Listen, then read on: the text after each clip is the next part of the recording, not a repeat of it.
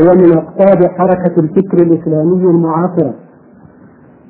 ونشاطه في هذا المجال واسع الرقعة سواء في التدريس أو في المحاضرة أو في التأليف ومن مؤلفات محاضرنا الإنسان بين المادية والإسلام جاهلية القرن العشرين شبهات حول الإسلام منهج التربية الإسلامية ومنهج الفن الإسلامي.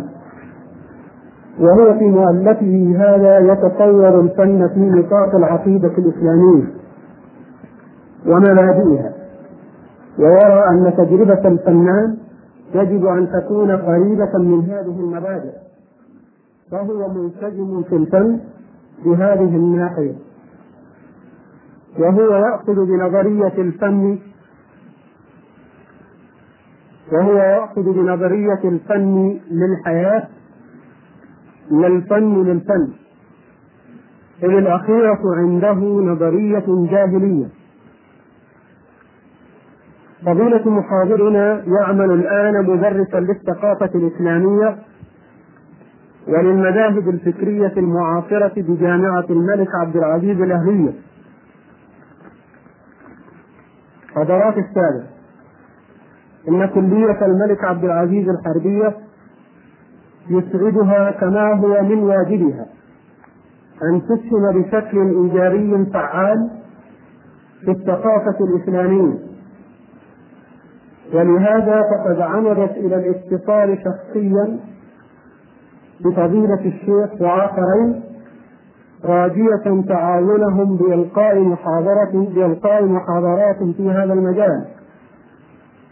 ولقد لبى فضيلته الدعوة فتحمل مشقة السفر في سبيل أن يلتقي بإخوانه في الرياض وبأبنائه طلبة هذه الكلية محدثا إياهم عن حقيقة الإسلام. فشكرا لفضيلة الشيخ ونرجو منه التفضل بإلقاء محاضرته وهي بعنوان فلنعرف حقيقة إسلامنا. السلام عليكم.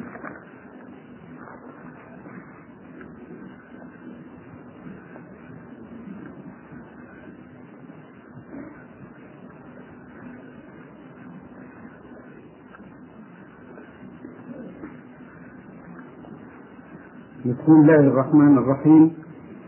والصلاة والسلام على سيد المرسلين. السيد قائد الكلية حضرات الأساتذة أبناء الطلاب.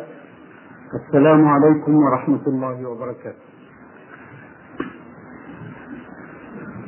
أشكر من كلية هذه الدعوة الكريمة وأعبر عن ارتباطي الحقيقي بما لمسته في زيارتي القصيرة لهذه الكلية. من قيامها على روح إسلامية. إن هذا شيء عزيز نادر في زماننا. وهو الأصل وهو الواجب. وفي البلاد الإسلامية ينبغي أن تقوم الجندية على قاعدة من الإسلام. ولكن الذي نراه في عالم الواقع أن هذا شيء نادر الوجود جدا. فإن بلادا كثيرة تبني بيوتها متعمدة على غير قاعدة الدين وبعيدا عن الإسلام. فالحمد لله أن يوجد بلد في الأرض يقيم جنديته على أصلها الثابت المتين على أصلها الصحيح على أصلها الإسلامي. حين دعيت لإلقاء محاضرة في هذه الكلية اخترت لها هذا العنوان. فلنعرف حقيقة إسلامنا. وأنا أختار هذا العنوان لأننا في العالم الإسلامي على اتساعه كثيرا ما نجهل هذه الحقيقة. نجهل حقيقة هذا الدين. إننا نعيش في الفترة التي حدث عنها رسول الله صلى الله عليه وسلم حين قال بدأ الإسلام غريبا وسيعود غريبا كما بدأ. فطوبى للغرباء إننا نكاد نكون اليوم في هذه الغربة الثانية التي تحدث بها رسول الله صلى الله عليه وسلم. فواجبنا إذا يحتم علينا أن نقوم بجهد ضخم لنزيل هذه الغربة الثانية كما قامت الجماعة المسلمة الأولى بإزالة الغربة الأولى عن الإسلام في الأرض. هذا واجبنا الذي يحتمه علينا إيماننا بالله وعملنا بالإسلام. حقيقة إن الإسلام غريب اليوم في الأرض ولكنه لا ينبغي للمسلمين أن يتركوه في هذه الغربة فإن عليهم واجبا. أن يزيلوا الغربة عنه أن يعيدوا تعريفه للناس وتعريف الناس به ليتم البعث الإسلامي الذي تبدو بشائره الآن والذي نتوسم الخير فيه بإذن الله. وندعو الله ونتطلع إلى وجهه الكريم أن يتم هذا البعث وأن يكون قريبا بإذن الله. وهذا المكان بالذات المكان الذي يربى فيه جنود مسلمون هو أولى الأمكنة بأن يبدأ منها التعريف بالإسلام وإزالة الغربة عن الإسلام لأن هذا الدين دين جندية إنه يجند النفس الإنسانية. يجندها من جميع نواحيها. والجندية بمعناها العسكري هي إحدى جوانب هذه الجندية التي يشتمل عليها الإسلام. الإسلام يجند النفس المسلمة لصراع دائم أو حرب دائمة مع الباطل مع الشر مع الشيطان. وجزء من هذه الحرب يأخذ صورة الحرب العسكرية. ولكن خلاف ذلك هناك معركة دائمة في داخل النفس مع نزعة الشر مع الشيطان الذي يجري في النفس مجرى الدم من العروق ومع الباطل الذي يوجد بصور مختلفة في المجتمع. فالإسلام يربي أبناءه على روح الجندية ليكونوا دائما على أهبة الاستعداد لملاقاة هذا العدو الذي هو الباطل أو هو الشر أو هو الشيطان أو هو الانحراف عن منهج الله. فالجندية جزء أصيل من هذا الدين. والمكان الذي يربى فيه جنود. ويربى فيه الجنود على قاعدة إسلامية هو أولى مكان أن يكون منطلق دعوة. لذلك اخترت هذا العنوان لأبدأ به محاضرتي في هذا المكان.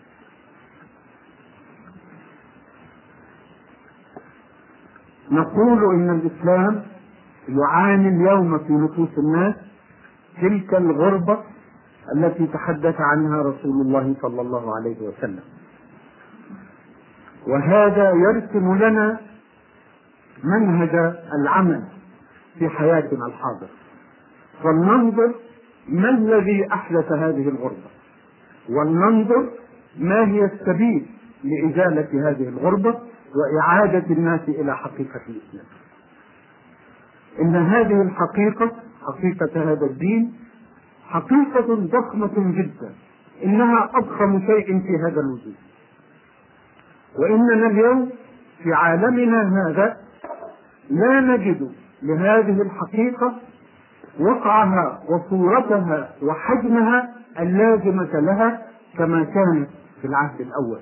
فلماذا؟ هل تغير هذا الدين؟ حاشا لله أن يتغير وهو المنزل من عند رب العالمين وهو المحفوظ في منابعه الأصيلة في القرآن والسنة. إنا نحن نزلنا الذكر وإنا له لحافظون. والله سبحانه وتعالى الذي تكفل بحفظ الذكر تكفل كذلك بحفظ السنة النبوية. وإن هذا وحده له دلالة.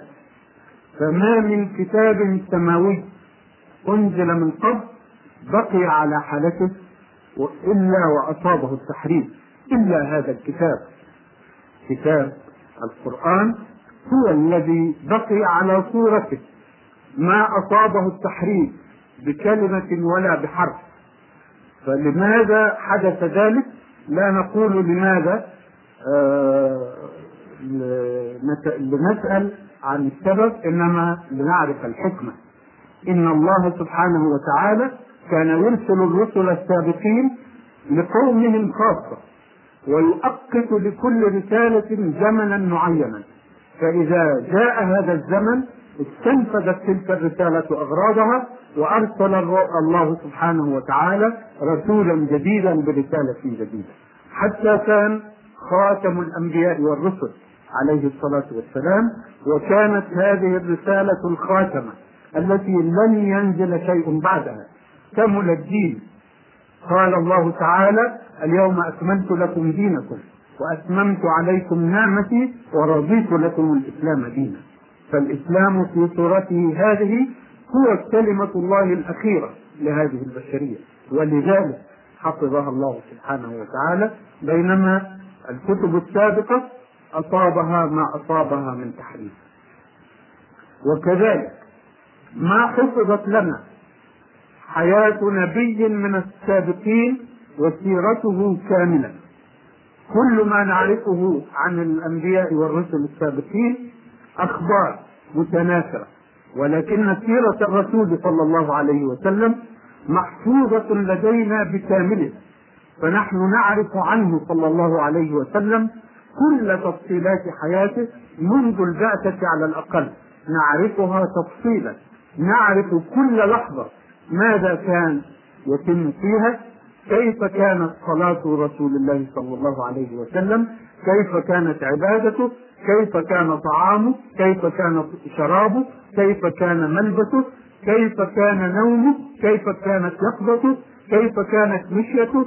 كيف كانت صحبته للناس. كيف كانت طريقة حديثه؟ كيف كانت كل جزئية من جزئيات هذه الحياة العظيمة نعرفها. إن هذا بحكمة.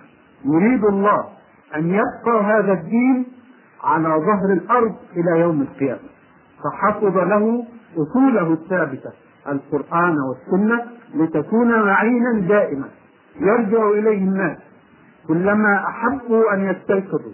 كلما أحبوا أن يرجعوا إلى الطريق القويم يجدون دستورهم الدائم في كتاب الله وسنة رسوله محفوظة تنتظرهم تنتظر عودتهم إليها وتعطيهم كنوزا فاليوم ونحن نعاني هذه الغربة ونحن لا نعرف ديننا على حقيقته يجب أن نعود إلى تلك المصادر إلى القرآن والسنة. إلى سيرة رسول الله صلى الله عليه وسلم ثم إلى صورة المجتمع الأول الصحابة والتابعين رضوان الله عليهم ففيهم تمثلت حقيقة هذا الدين كما لم تتمثل قط عبر التاريخ. فحين نريد أن نعود حين نريد أن نزيل هذه الغربة الثانية ونعيد الإسلام معروفا في الأرض متبعا ممارسا مقاما تقوم عليه الحياة. فتلك هي الأصول التي نرجع إليها القرآن والسنة سيرة الرسول صلى الله عليه وسلم وسير الصحابة والتابعين الذين تمثلت فيهم حقيقة هذا الدين. ثم على ممر الأجيال تاريخ هذه الأمة في مجموعة. وفي تاريخ هذه الأمة أمجاد كثيرة ما تجمع في تاريخ أمة من أمم الأرض. أمجاد من كل نوع. أمجاد عسكرية أمجاد سياسية أمجاد علمية أمجاد حضارية أمجاد في كل فروع الحياة. ما الذي أحدث؟ ما الذي كون هذه الأمجاد؟ ما الذي دفع إليها؟ فلننظر والتاريخ مفتوح أمامنا. كيف كانت هذه الأمة قبل الإسلام؟ بل إنه من التجاوز أن نقول إنها كانت أمة. لقد كانت قبائل متناحرة كما تعلمون جميعا. لم يكن يجمعها شيء إلا اللسان العربي وإلا المكان الذي تقيم فيه في هذه الجزيرة العربية. أما خلاف ذلك فما كان يجمعها شيء. فكيف تجمعت؟ كيف أصبحت؟ لا أمة فقط ولا أمة عظيمة فقط بل صارت كما وصفها خالقها سبحانه. كنتم خير أمة أخرجت للناس. تأمرون بالمعروف وتنهون عن المنكر وتؤمنون بالله. ما الذي أنشأ هذه الأمة؟ لقد كانت عناصرها موجودة نعم في تلك القبائل المتناحرة في تلك النفوس البشرية الضالة. كانت هناك الخميرة التي تصلح للنماء لكن كان ينقصها الاستقامة على الطريق. كان ينقصها أن تعرف ما هو المنهج الرباني ما هو الطريق الرباني ما هو السبيل السليم الذي يسلكه البشر هنا في الحياة الدنيا لتستقيم حياتهم ولتصبح عظيمة ولتصبح نامية ولتصبح متشعبة في الأطراف متمكنة في الأرض. فلما جاءهم هذا الهدى وملأ قلوبهم وعمر الإيمان هذه القلوب تكونت هذه الأمة. ثم نمت في سنوات قصار حتى أصبحت تلك الأمة العظيمة التي وصفت بهذا الوصف الرباني. والله سبحانه وتعالى لا يعطي الوصف جزافا ولا مجاملة فإنه غني عن المجاملة سبحانه. لا يجامل أحدا من خلقه.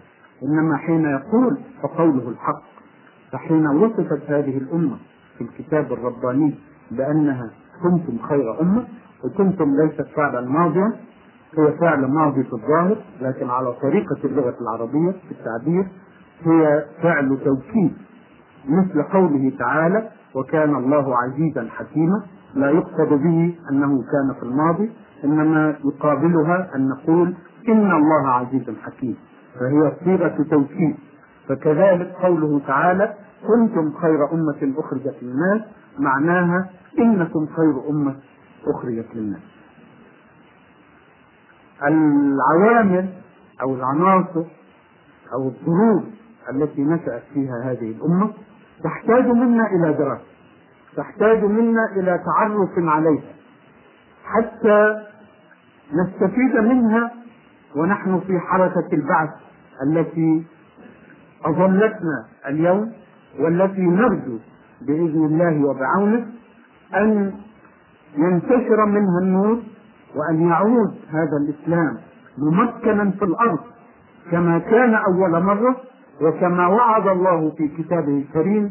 قال سبحانه وتعالى وعد الله الذين آمنوا منكم وعملوا الصالحات لا يستخلفنهم في الأرض كما استخلف الذين من قبلهم وليمكنن لهم دينهم الذي ارتضى لهم وليبدلنهم من بعد خوفهم أمنا يعبدونني لا يشركون بي شيئا. أرأيتم؟ إن الله يشترط على الناس شرطا واحدا. يعبدونني لا يشركون بي شيئا.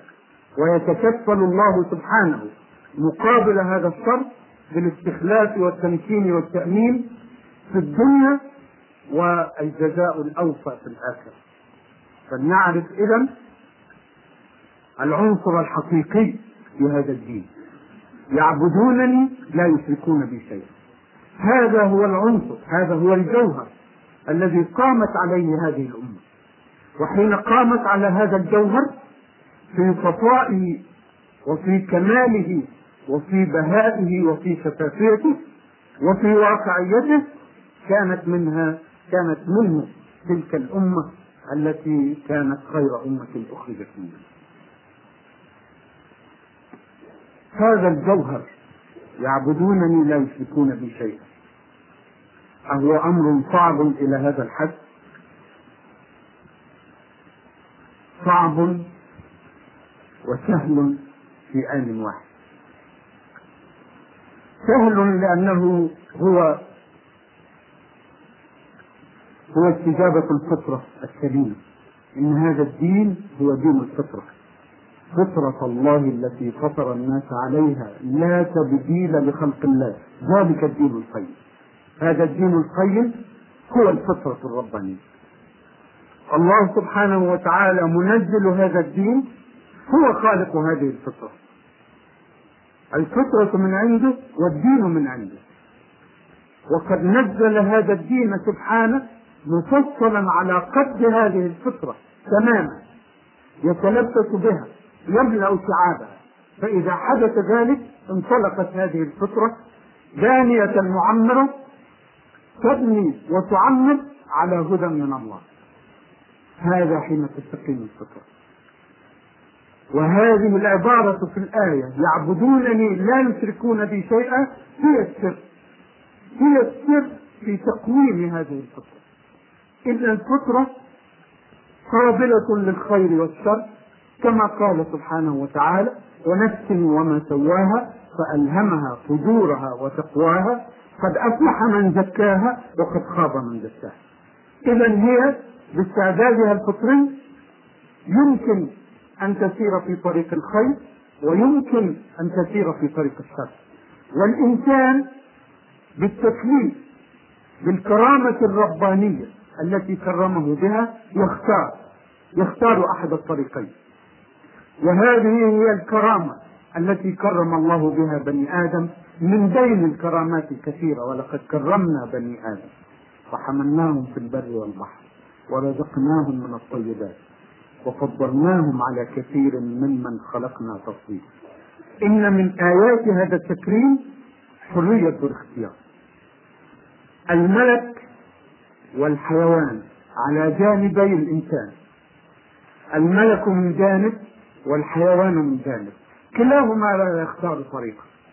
الحيوان له طريق واحد طريق الجسد طريق الغريزة هكذا خلق وهذا دوره في الحياة. الملك له طريق واحد. هو الشفافية الروحانية. هو العبادة آه يذكرون الله دائما. يسبحون الليل والنهار لا يفترون. تلك مهمتهم. لا يستطيعون غيرها وهم مهيئون لها. والإنسان بينهما. بين الملك من جانب والحيوان من جانب آخر. فيه من هذا وفيه من ذاك. وله قدرة على أن يسير في هذا الطريق ويسير في ذاك في ذاك الطريق. والتكريم الذي كرمه به الله أنه يختار طريقه. وحين يزكي نفسه فهو على الطريق القوي. كيف يزكيها؟ لقد شرح الله له طريقة التزكية. قال فإما يأتينكم مني هدى فمن تبع هداي فلا خوف عليهم ولا هم يحزنون. والذين كفروا وكذبوا بآياتنا أولئك أصحاب النار هم فيها خالدون. فطريق التزكية إذا هو الاستقامة على منهج الله. يعبدونني لا يشركون بي شيئا داخل فيها ومن مقتضاها السير على منهج الله. السير على منهج الله هو التطبيق الواقعي لعبارة يعبدونني لا يشركون بي شيئا. والأمة الأولى التي تمثل فيها بالكامل وصف الله لها بقوله سبحانه كنتم خير أمة أخرجت للناس. تمثل فيها على أصفى صورة يعبدونني لا يشركون بي شيئا. كيف تمثل؟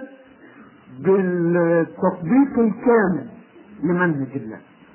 إذا هذا هو الطريق حين نريد أن ننشئ هذه الأمة من جديد حين نريد أن نزيل غربة الإسلام من جديد ونعيده كما كان أول مرة متمكنا في الأرض مسيطرا موجها لكل البشرية. نعم موجها لكل البشرية.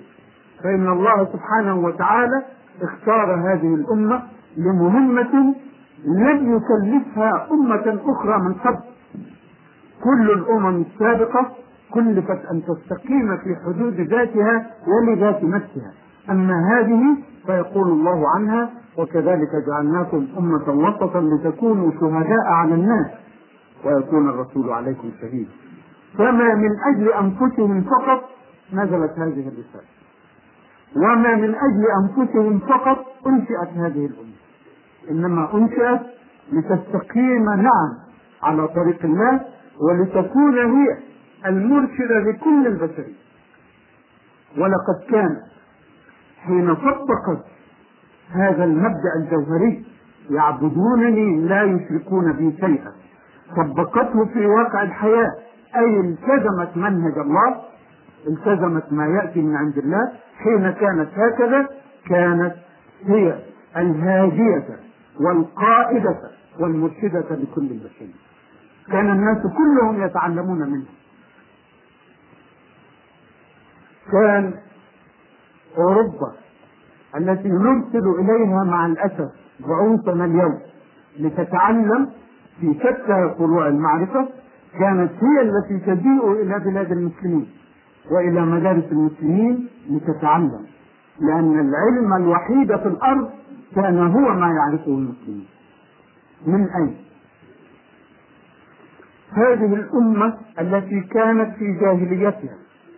وقلنا نتجاوز فنسميها في الجاهلية أمة وما كانت أمة. إنما كانت هذه الفرق المتنابذة المتناحرة والإسلام هو الذي جعلها أمة ثم جعلها خير أمة. ما كانت في جاهليتها أمة علم وأنتم تعرفون ذلك. أنتم تدرسون تاريخ الجاهلية وتعرفون أن هذه الأمة أو تلك القبائل ما كان يشغلها في حياتها إلا الشعر والخمر والحرب. تلك مشاغلها إلى جانب التجارة بطبيعة الحال. وكان العلم الذي عندهم ويعتزون به هو حفظ الأنساب وحفظ الشعر. وهذا كان شاغله من أكبر. وكليهم وكلاهما لأمر واحد. كانت القبيلة تفاخر القبيلة الأخرى. تفاخرها بالشاعر الذي يولد فيها. فكان رواية الشعر جزء من أمجاد القبيلة. وكذلك أنسابها. هي جزء من أمجادها. من أمجادها وتحفظ أنساب الآخرين لتجرحهم. وشاعر القبيلة مهمته أن يفاخر بقبيلته ويجرح القبائل الأخرى. ويبحث عن المغاني التي يهجوها منها. هذا هو همهم كان في الجاهلية. فحين أسلموا تغير. تغيروا من الداخل وتغير وجه التاريخ. الذي تغير من الداخل يعبدونني لا يشركون بي شيئا. هذا هو الأمر الجديد الذي تغير في تلك القلوب كانوا يعيشون على ألوان مختلفة من الشرك. ونحن حين نعدد ألوان الشرك نذكر منها أبرزها ونقول كانت العرب في الجاهلية تعبد الأصنام. نعم ولكن ليست الأصنام هي الأرباب الوحيدة التي كانت معبودة في تلك الجاهلية. القبيلة كانت رب المعبد. ألم يكن الشاعر يقول وهل أنا إلا من غزية إن غوت غويت وإن ترشد غزية ارشدي يعني أنه لا كيان له في ذاته إنما هو يتبع القبيلة حيث تذهب فالقبيلة في الحقيقة رب يعبده فرد القبيلة وكان أقسى عقوبة تفرض على فرد من قبيلة أن يخلع يخلع من القبيلة فيسمى الخليع والخليع هذا لم يعد له وطن ولا منبت لأن قبيلته لأن ربه رفضه. وعرف الآباء والأجداد كان ربا معبودا. معبودا من دون الله بل كان حاجزا يحجز الناس عن عبادة الله. وإذا قيل لهم اتبعوا ما أنزل الله قالوا بل نتبع ما وجدنا عليه آباءنا. فهم يضعون عرف الآباء والأجداد مكان ما أنزل الله فهو رب رب يطاع. والهوى والشهوات رب. ألا أي هذا الزاجري أحضر الوغى وأن أشهد اللذات؟ هل أنت مخلدي؟ هكذا يقول شاعرهم. أي ما دام ليس مخلدا وقد كان لا يؤمن بالبعث فهو إذا يعيش حياته الدنيا القصيرة فيجب أن يقضيها إما في الملذات والخمر وإما في الحرب وهذا هو الشاغل تلك الأمة التي كانت هذه هي شواغلها وتلك آفاقها المحدودة المحصورة صارت ذلك العملاق الضخم الذي لا مثيل له في التاريخ. كيف صارت؟ من هذا الجوهر. يعبدونني لا يشركون بي شيئا. ينفذون منهجي. هذا هو معنى يعبدونني لا يشركون بي شيئا. وحين استقامت تلك الأمة على المنهج الرباني بمعنى أنها تستمد حياتها كلها من هذا المنهج وترجع في الصغيرة والكبيرة إلى هذا المنهج تتلقى حياتها بتفصيلاتها كلها من كتاب الله وسنة رسوله من أوامر الله وأوامر الرسول صلى الله عليه وسلم حين كانت هكذا كانت منها هذه الأمة. تجمعت القبائل ذابت الفوارق بينها ذابت الفوارق بين الأجناس واللغات حتى صار بلال وصهيب وسلمان الحبشي والرومي والفارسي صاروا أصلاء في هذا الدين صاروا أعمدة من أعمدة هذه الأمة. انصهرت هذه الأجناس. ما الذي صهرها؟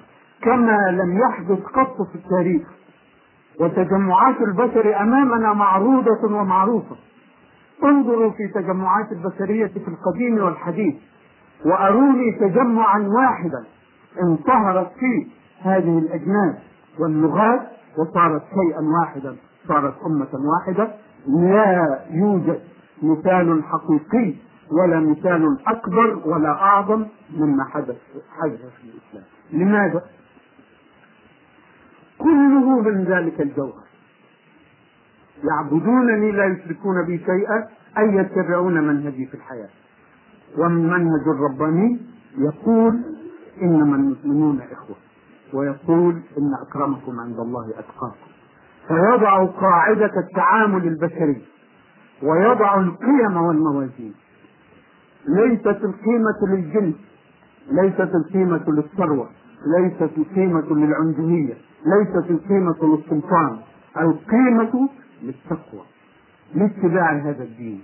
بقدر ما يتبع الإنسان من منهج هذا الدين يرتفع يرتفع عند الله ويرتفع في ذلك المجتمع. وحين التقت تلك الأجناس على العقيدة الواحدة صاروا إخوة. هذا أمر طبيعي في العقيدة. الذي يحدث تلك التجمعات البشرية في القديم والحديث التجمع الروماني الشهير التجمع البريطاني الكومنولث تجمع الولايات المتحدة تجمع الشيوعي الروسي التجمع الشيوعي الصيني الذي يحجب هذه التجمعات عن أن تحس بالأخوة الحقيقية هو أنها لا تلتقي على عقيدة في الله. اللقاء على عقيدة في الله هو وحده الذي يستطيع أن يجيب فوارق الجنس وفوارق اللغة يجيب الجدران التي تحجز بعض البشر عن بعض. يلتقون لأنهم يلتقون بأرواحهم يلتقون بقلوبهم في تلك العقيدة الواحدة ويحسون حقيقة بأنهم إخوة وتنتظم تلك الأخوة في الله إنما المؤمنون إخوة. صارت منهم أمة. ثم انطلقت هذه الأمة. انطلقت تصنع ماذا؟ انطلقت تزيل كل أثر للجاهلية في الأرض. ما هي الجاهلية؟ الجاهلية هي عبادة الأصنام والأوثان؟ نعم. الجاهلية هي الخمر والميسر ووأد البنات وغارات الثلج والنهر نعم. لكن هناك جوهر للجاهلية. كما أن هناك جوهرا للإسلام يعبدونني لا يشركون بي شيئا هذا جوهر الإسلام. هنالك جوهر مقابل هو الجاهلية هو الشرك هو الإشراك بالله أو عبادة غير الله معه أو من دونه. هذا هو الجاهلية. والأمة المسلمة التي قامت على هذا الجوهر يعبدونني لا يشركون بي شيئا قامت تزيل كل أثر من آثار الجاهلية في الأرض. وكان هذا جدا. إن الأمور لا تسير بمجرد التمني. بل إن الإيمان نفسه ليس تمنيا. ليس الإيمان بالتمني ولا بالتحلي. إنما هو ما وقر في القلب وصدقه العمل. لقد كانت إزالة آثار الجاهلية في الأرض جهدا جبارا قامت به هذه الأمة المسلمة. قامت به في نفوسها أولا وما كان هذا جهدا هينا. إن الإسلام إن القرآن إن رسول الله صلى الله عليه وسلم كان يأخذ بيد هذه الأمة خطوة خطوة ينتزعها من جاهليتها يغسل من نفوسها بقايا ورواتب هذه الجاهلية حتى صارت كالثوب الشفاف الأبيض. هل هذا تم كله دفعة واحدة؟ أبدا. لقد كان من صحابة رسول الله صلى الله عليه وسلم في فترة التربية من يخطئ ويتنزل الوحي إشارة إلى الخطأ أو يتحدث رسول الله صلى الله عليه وسلم. وإن واحدا من أجلة الصحابة قال له الرسول صلى الله عليه وسلم أنت امرؤ فيك جاهلية. نعم في مرحلة من مراحل التربية كانت ما تزال في نفسه بقية. رواسب من رواسب الجاهلية؟ كان الرسول صلى الله عليه وسلم يتولى غسلها وتنظيفها واحدة واحدة حتى شفت هذه النفوس لقد كان هذا أبا ذر رضي الله عنه حين قال لبلال يا ابن السوداء كلمة جاهلية. بقية من بقايا الجاهلية كانت ما تزال في نفس هذا الصحابي الكبير فصححها رسول الله صلى الله عليه وسلم. قال له أنت امرؤ فيك جاهلية. فماذا حدث؟ تعرفون القصة. ذهب أبو ذر الكريم العربي الأصيل الشريف في الذروة في الذؤابة ذهب إلى بلال ووضع خده على الأرض وقال له طأ خدي بقدمك هذا هو التطهير تطهير التربية الإسلامية الذي كان يتولى به الرسول صلى الله عليه وسلم تنظيف هذه النفوس من رواتبها الجاهلية. وفي موقعة أحد نزل القرآن يقول منكم من يريد الدنيا ومنكم من يريد الآخرة. بعد ثلاثة عشر عاما من التربية في مكة وسنوات في المدينة نزلت هذه الآية. حتى قال أحد الصحابة ما علمت أن فينا من يريد الدنيا حتى نزلت هذه الآية. نعم لقد كان جهدا ضخما. جهد التربية على لا إله إلا الله. جهد التربية على يعبدونني لا يشركون بي شيئا. إنها ليست كلمة تقال باللسان. وما أيسرها لو كانت كلمة. وما أقلها وأقل أثرها في واقع الحياة لو كانت كلمة. كلا إنها ليست كلمة. إنها منهج حياة كامل وتربية على مقتضياته وهذا هو الذي أنشأ الأمة الأولى. أنها تربت على لا إله إلا الله. تربت على هذا المنهج الرباني. في الكبيرة والصغيرة. ومن أجل هذا وصفت بهذا الوصف الرباني الذي لا يجامل أحدا كنتم خير أمة أخرجت تجمعت الأمة بدأت تزيل بقايا الجاهلية في الأرض بدأت تنفذ أوامر الله. ما هي أوامر الله؟ بعد أن يستقر هذا الحق في القلوب ننفذ شريعة الله في الأرض. وقامت هذه الأمة تنفذ الشريعة الربانية بصورة لا يعرف التاريخ لها مثيلة في الكبيرة والصغيرة. والقصص معروفة تعرفونها ولا داعي للإكثار منها. لكن لابد لنا أن نختار نختار قصصا تدلنا على طريقة هذه الأمة في إقامة شريعة الله في الأرض. الأمثلة في الواقع كثيرة يحتار الإنسان أيها يختار. لكن فلنختر منها. فلنختر منها قضية علي كرم الله وجهه والدرع الذي سرقت منه سرقها اليهودي ورآها الخليفة أمير المؤمنين في يد اليهود. رأى درعه عند اليهود. فقال له هذه درعي. قال لا هذه درعي أنا. فكيف كان تطبيق الشريعة الربانية؟ كيف كان السلوك العملي بهذه الشريعة في واقع الأرض على يد الخليفة؟ كرم الله وجهه. هل استخدم سلطان الخلافة ليسترد هذه الدرع؟ وهو يعلم يقينا أنها درع إنه لا يتجنى على اليهودي وهو من هو الصدوق المصدق ولكنه لم يستخدم سلطان الخلافة إنما أخذه إلى القاضي. هو وهو يتقاضيان عند القاضي على مستوى واحد سواسية الناس سواسية كأسنان النصر. هذا يهودي ليس مسلما. ومع ذلك يقف موقف المساواة. ليس من مسلم عادي ولكن من أمير المؤمنين. نعم هكذا تقتضي هذه الشريعة حين تكون هناك خصومة. هذه خصومة ينظرها القاضي. فلا بد أن يقف الاثنان معا اليهودي هذا وأمير المؤمنين على قدم المساواة أمام القاضي. ويسأل القاضي عن القضية. فيقول علي كرم الله وجهه الدرع درعي ولم أبع ولم أهب.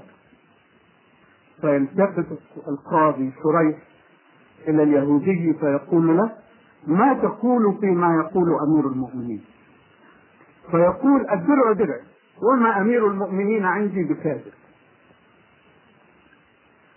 التواء اليهود الذي تعرفونه. مراوغ هنا خصمان كل منهما يدعي. المدعي الأول هو علي كرم الله وجهه. وهو أمير المؤمنين نعم. ولكن ليست له مزية في التشريع. ليست له مزية في القضاء. إنه هنا خصم. خصم على قدم المساواة مع ذلك اليهودي. فيلتفت شريح القاضي إلى علي كرم الله وجهه يقول يا أمير المؤمنين هل من بينة؟ نعم وهو يعلم أنه صادق. لكن هكذا تقتضي شريعة الله. البينة على من ادعى. وعلي هنا مدعي رغم أنه أمير المؤمنين. فيسأله القاضي يا أمير المؤمنين هل من بينة؟ فيتبسم علي كرم الله وجهه ويقول صدق شريح ما لي بينة؟ فيحكم بالدرع لليهودي. قمة من قمم الإسلام. قمة من قمم البشرية. لا تعرفها البشرية خارج هذا الدين. لا يمكن أن يحدث هذا أن يطبق العدل بهذه الصورة إلا في قلب المسلم